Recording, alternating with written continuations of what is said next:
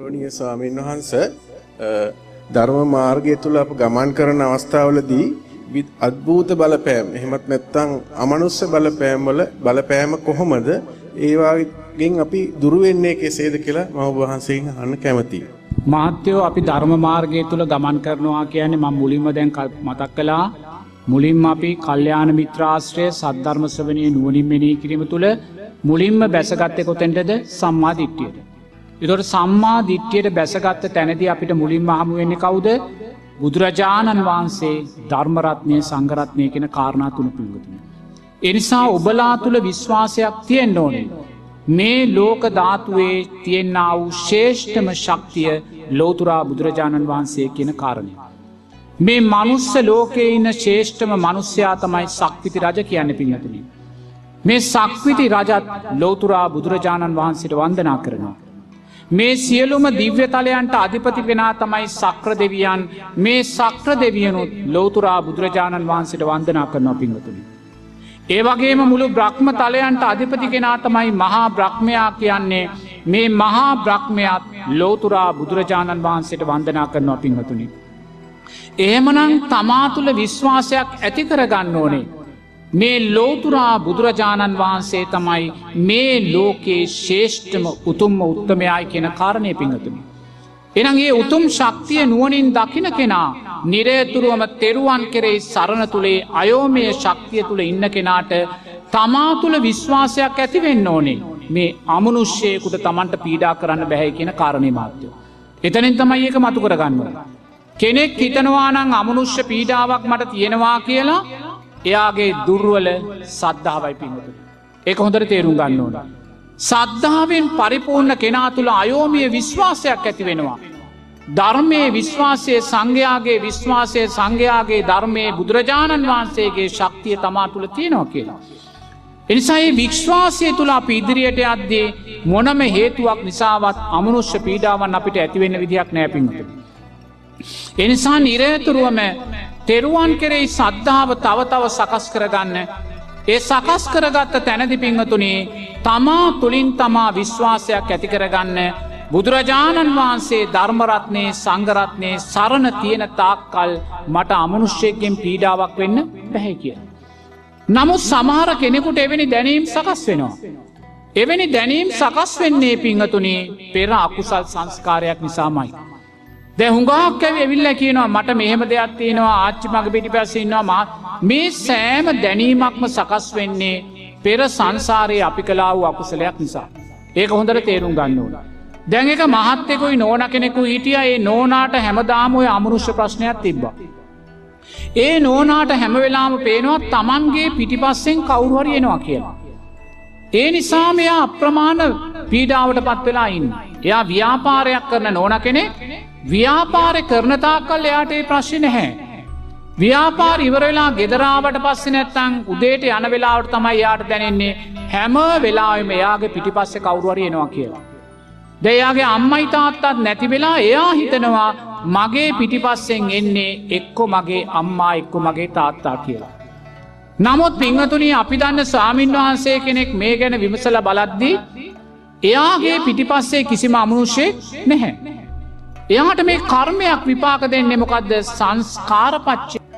අපිට යම් දැනීම් සකස් වෙනවනම් ඒ දැනීම් සකස් වෙන්න පිංහතුනේ අපේ කුසල්සා කුසල් නිසා ඒ හොඳට තේරුම් ගන්නවා.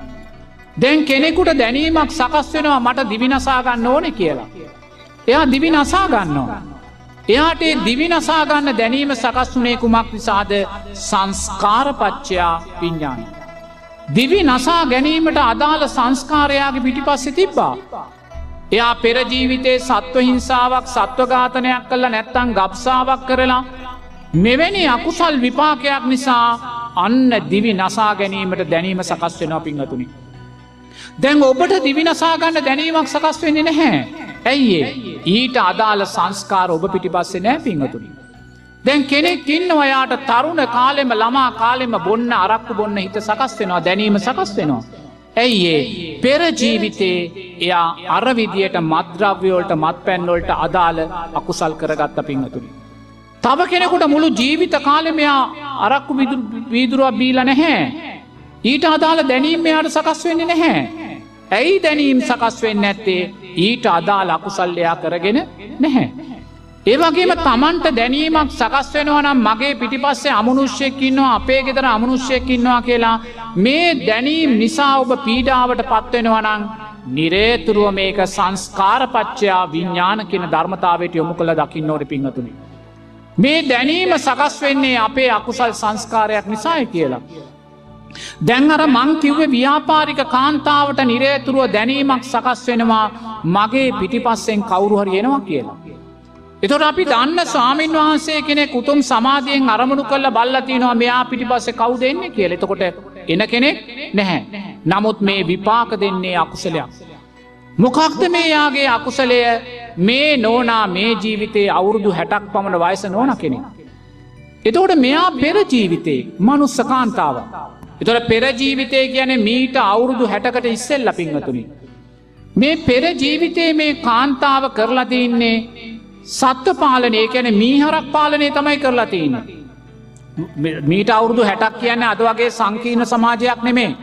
අද වගේ යානවාහන ගොඩනැගිලි මේ කිසිම දෙයක් තිබ්බේ නැහැ. එදා ගොවිතැන තමයි ප්‍රධානම ආර්ථික මාර්ගය ආදායම් මාර්ගය. එදා කෙනෙකුට මීහරක් දහ දෙනෙක් හිටියා කියන්න එයා තමයි එදා හිටපු ලොකුම සල්ලිකාරය පිංහතුන. ඒ වගේ මේ නෝනා පෙරජීවිතේ මීහරක් කණ්ඩායමක් සත්වපාලනය කලා වූ කාන්තාව. මේ නෝනගේ ආදායම වෙලා තියන මේ සතුන් කුඹුරු හාන්න දීලා ඒකෙන් ලැබෙන්න්න වූ ආදායමයි පිංහතුනි. එතුර බලන්න දැන් මීහරගේ කුඹුරක් කාන්න දුන්නට පස්සේ ඒ මීහරකගේ පිටිපස්සේ අර නගුල්ල බැඳලා කොයි සා පීඩාවක්ගේ මීහරක විඳිනවාද පිංහතුනි. එයාර නගුල බැඳලාර මහපොළොව කඩාගෙන කොච්චර නම් පස බුරුල් කරගෙන යන්න කොච්චර වේදනාවත් දරනවාද. ඔබව නගුලක බැන්දොත් ඔබට පුළුවන්ද විනාඩි පහක් ඒ කටයුත්ත කරන්න අපිට බෑපිහතුනි.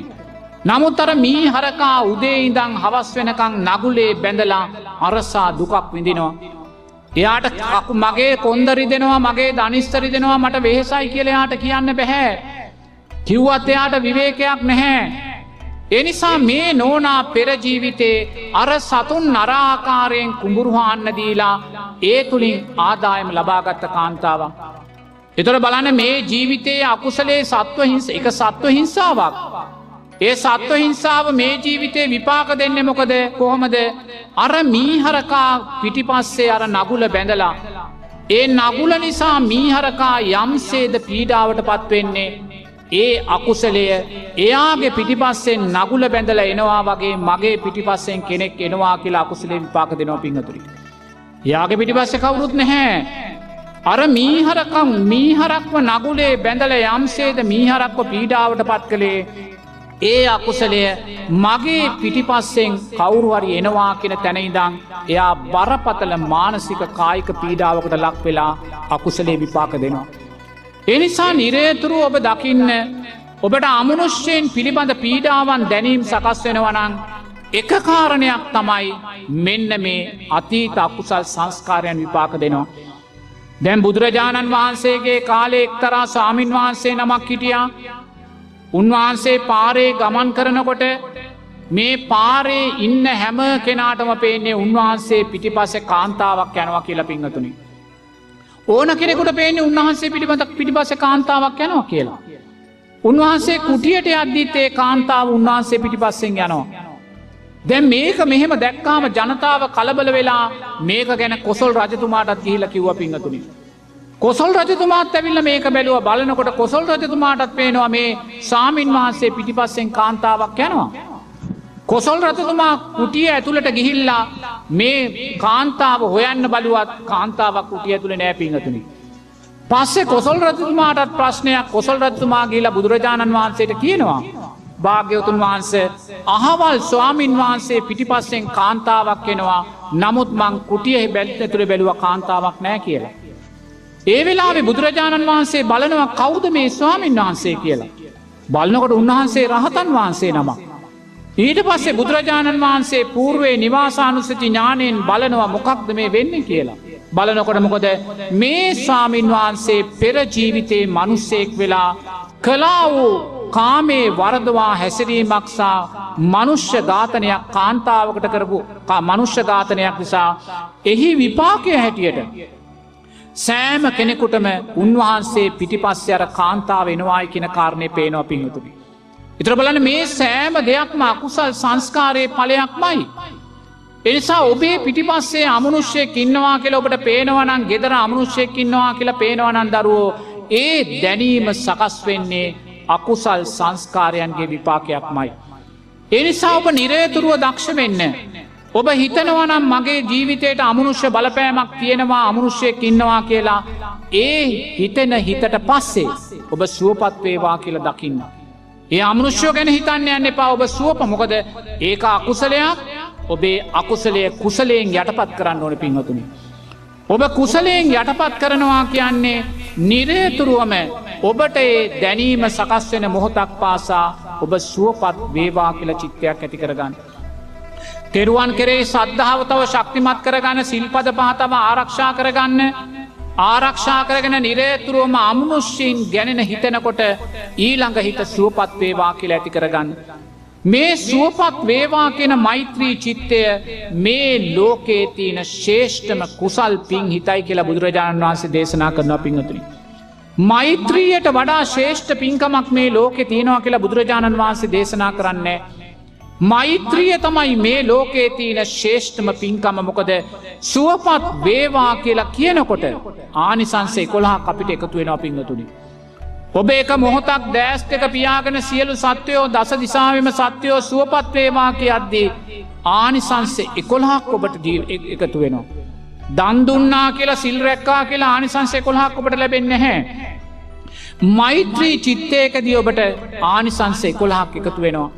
සුවසේ නින්දයනවා සුවසේ ඇහැරෙනවා අපරුහීන පේනෙ නෑ දෙවියන්ට මනුෂ්‍යීන්ට අමනුෂ්‍යීන්ට ප්‍රිය වෙනවා වසවිසෙන් හානි වෙන්නේ නෑ ශරීරය ප්‍රසන්න වෙනවා සිහිමුලා නොවී මැරෙනවා සුගතියේ ඉපදෙනවා ආනිසන්සේ කොල්හක්කාව පිංහතුනි.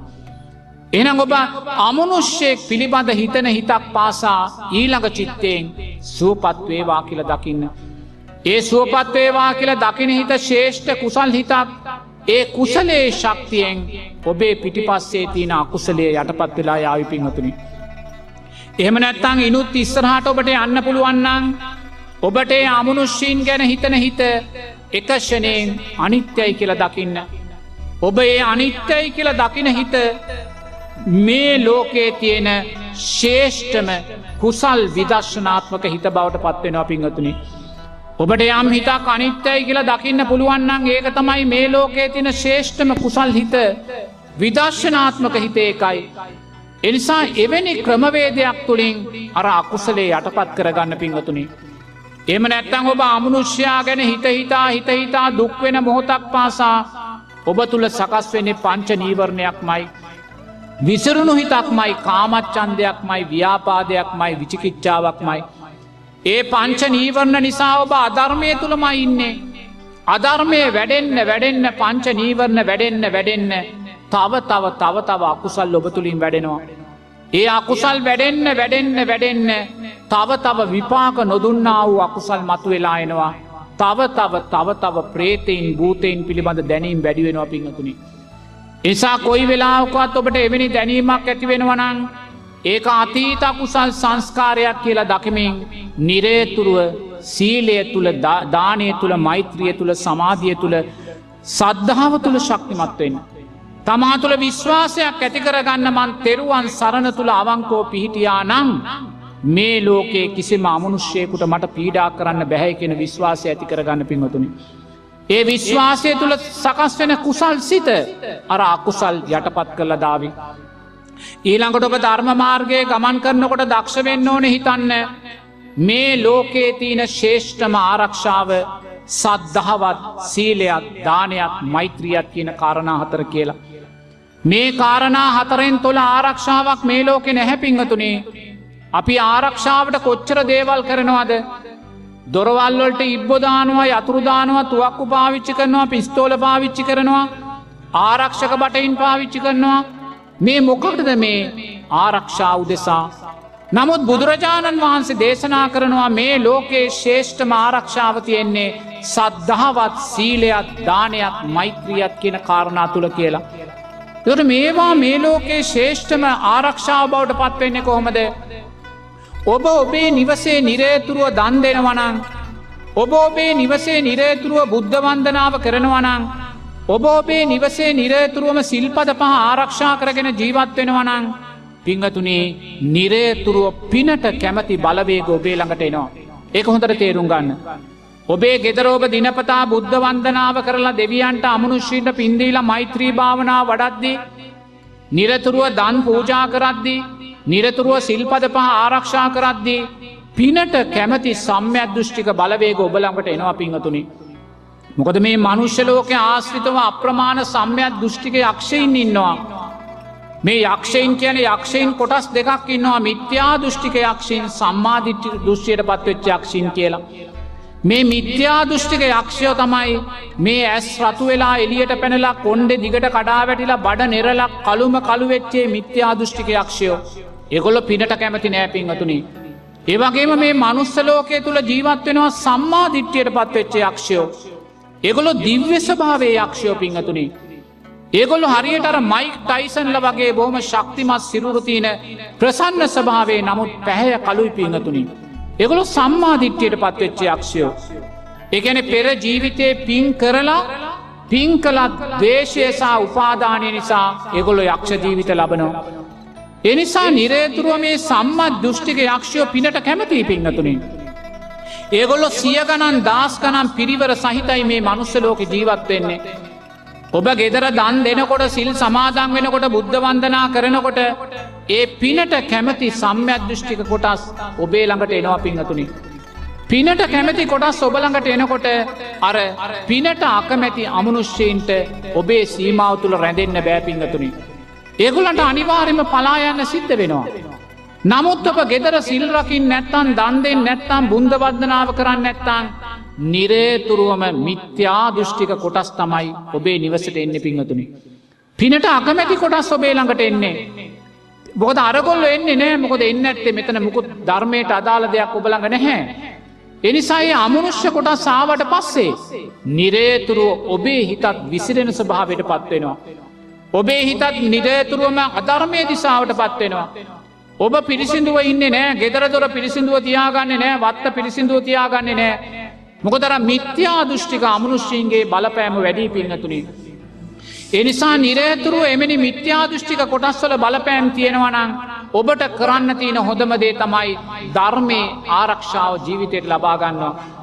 ධර්මය ආරක්ෂාව කියන්න ඔබ සද්ධාව තුළ ශක්තිමත් වෙනවා බුද්ධ වන්දනාව කරනවා මෛත්‍රී භාවනාව කරනවා දෙවියන්ට පින් දෙනවා සිල්පද පහ රකිනවා ඒවගේම දන් පූජා කරනවා මේ වකරද්‍ය අර සම්මා දිට්්‍යයට පත්වෙච්ච බලවේග ඔබේ ළඟට එනවා පින්හතුනේ එතොරට මිත්‍යා දෘෂ්ටික බලවේගොල්ට දුර්වල බලවේගොල්ට ඔබළඟට ඉන්න බැහැ.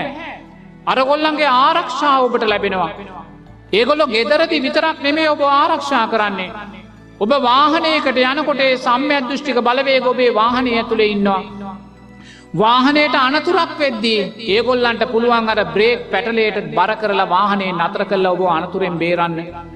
ඒවගේ ඔබ හිතන්න කෙනෙක් තෙරුවන් කරේ සද්ධාව තුළ දානය සීලේ තුළ ශක්තිමත්නං එයා වාහනයක යද්දි අපි කියවු මරාගන බැලෙන බෝම්භකාරයක් කෙනවා කියලා. ඒ අමනුෂ්‍ය බලවේගොල්ට පුළුවන්ගේ බෝම්බය විසිකරන ඉලක්කය මොහොතක් වරද්දලා අර පුද්ගලයා වතරින් බේරාගන්න පිංහතුනි. ඒවගේ මේ සම්‍යත් දෘෂ්ටික යක්ෂ බලවේකට එවැනි දේවල් කිරීමේ ශක්තිය තියෙනවා. නමුත් ඒ සෑම දෙයක්ම කරන්න පුළුවන් ඔබ ධර්මය ආරක්ෂාව ලබාගත්තොත් පමණක් මයි පිංහතුනි. එනිසා ඔබ තුළ විශ්වාසයක් තියෙන් ඕනේ මේ ලෝක ධාතුවේ තියෙන ශේෂ්ඨම ආරක්ෂාව සද්ධහවත් සීලයක් දානයක් මෛත්‍රියත් කියන කාරණ. මේ කාරණාතුල ඔබ ශක්තිමත් වෙන්න. ඒ ශක්තිමත් වෙන මොහොතක් පාසා පිංහතුනේ අමනුෂ්‍ය පීඩා ඔබට තියෙනවනං ඒවා ඔබෙන් මගහැරිලයාවි. එනිසා කොයිම වෙලාවත් අමනුෂ්‍ය පීඩා ගැන නිරේතුරුව හිතන්න යන්න එපා. හිතන මොහොතක් පාසා ඔබ ඉන්න පංචනීවරණ තුළ ඒ පංච නීවරණ නිසාම පිංහතුනේ නැති අකුසල් මතු වෙලා නැති අමනුෂ්‍ය ඔබ ඉස්රාට එන්න පුළුවන්. එනිසා ඕන වෙලාමක අමනුෂ්‍යය පිළිබඳ හිතක් සකස් වුනොත් සුවපත්වේවා කියල දකින්න. ඉනුත් ඉස්සරාට ගිල්ලා අනිත්‍යයි කියල දකින්න. ඒ දකින කුසල් සිත එවැනි අමනුෂ්‍යයෙන් ඉන්නවනං අයින් කල්ලදාවේ නැත්තම් පින්වතුනි ඔබේ කුසල් ශක්තිය ශක්තිමත් කරලා අකුසලය යටපත් කරාව. ඒවගේම බුදුරජාණන් වහන්සේ කරණීය මෙත්ත සූත්‍රය දේශනා කරන්නේ මේ අමනුෂ්‍ය වුවදරින් පීඩාවට පත්ව ස්වාමීන් වහන්සේලා පිරිසක් උදෙසා. එනිසා නිරේතුරුව කරණීය මෙත්ත සූත්‍රයේ සච්චානා කරන්න නිවසේ තෙරුවන් සරණ පිහිටල සිල්පද ආරක්ෂා කරලා බුද්ධ වන්දනාවක් කරලා කරණීය මෙත්ත සූත්‍රයේ සච්චායනය කරන්න එයිනුත් ප්‍රතිඵලයක් ලැබෙනවා කියලා දුර්වල දුර්වලව දකිනවනං ඊළඟට බුදුරජාණන් වහන්සේ දේශනා කරනවා භික්‍ෂු භික්‍ෂුණී උපාසක උපාසිකා සිව්වනක් පිණිසට අමනුෂ්‍ය පීඩාවක් වෙනවනං ආටා නාටිය සූත්‍රයේ සච්චායනය කරන්න කියලපින්වතුනි. එනිසා ඔබ තුළ පූර්ණ විශ්වාසයක් තියෙන්න්න ඕනේ එවැනි අමනුස්ස පීඩාවක් තියෙනවා කියලා හිතෙනවා නං කුසලේ තුළ මුලින්ම ශක්තිමත් වෙන්න දෙවනුවර ශක්තිමත්ම ආරක්ෂා ඔබේ ජීවිතයට අරගනර සම්මාධිට්‍යයට පත්වෙච්ච බලවේග ඔබේ ළඟට ගන්න ඊළඟට පිංහතුනි නිරේතුරුවම ඔබ ධර්මය තුළ ශක්තිමත් වෙලා නිරේතුරුවම ධර්මානුකූලුව ජීවත්වෙන්න උත්සාගන්න ඒ විශ්වාසය තුළ පිංහතුනි නිරේතුරුවම අමනුෂ්‍ය පීඩාවන් තියෙනවන බැහැරටබ. එනිසා ඔබට අමනුෂ්‍යයක් ගැන හිතෙනවනං වහාම ඒ අමනුෂ්‍යයා තුළින් දිව්‍යාංගනාවක් දකින්න පිංහතුනි. අමනුස්්‍යයෝ ගැන හිත හිතා ඉන්න එපා. හිතන මොහොතක් පාසා පංචනීවරණ වැඩෙනවා වැඩෙන මොහොතක් පාසා අකුසල් වැඩෙනවා තව තව තව තව තව තව දුක දිසාාවටයි ඔබ ගමන් කරන්න. එනිසා ඔබ දක්ෂ වෙන්න උපක්‍රමශීලී වෙන්න අමනුස්සෙක් ගැන හිතනකොටම ඒ අමනුස්්‍යයා තුළ සුන්දර දිව්‍යරූපයක් ඔබ මතු කරගන්න. එතකොට ඔබට කවදක්ත් ප්‍රශ්නයක් වෙන්න මොකද ඔබ හිතුවත් හිතන්නේ දෙවියෙක් දිව්‍යාංගනාවක් ගැනමයි පිංහතුනි. එම නැත්තං ඔබ අමනුෂ්‍යයෙන් ගැන හිත හිතා හිත හිතා ඉඳලා ඔබ හදිස්සියේ මිය ගියොත් නිකමට හෝයේ අමනුෂ්‍යයා සීපත් වනොත් ඔබත් ප්‍රේතලෝකෙටමයි වැටෙන්න්න පිංගතුමි. ඔබත් ප්‍රේතලෝකෙටමයි වැටෙන්. එනිසා නිරේතුරුවම අමනුෂ්‍ය සන්නා පිටිපස් ඉන්න එපා අමනුෂ්‍ය සංඥාවන් ජීවිතයට ගන්න මොහොතක් පාසා ඔබත් අමනුෂ්‍යයකුට අදාළ ධර්මතාවයන් ජීවිතයෙන් එකතු කරගන්න How do?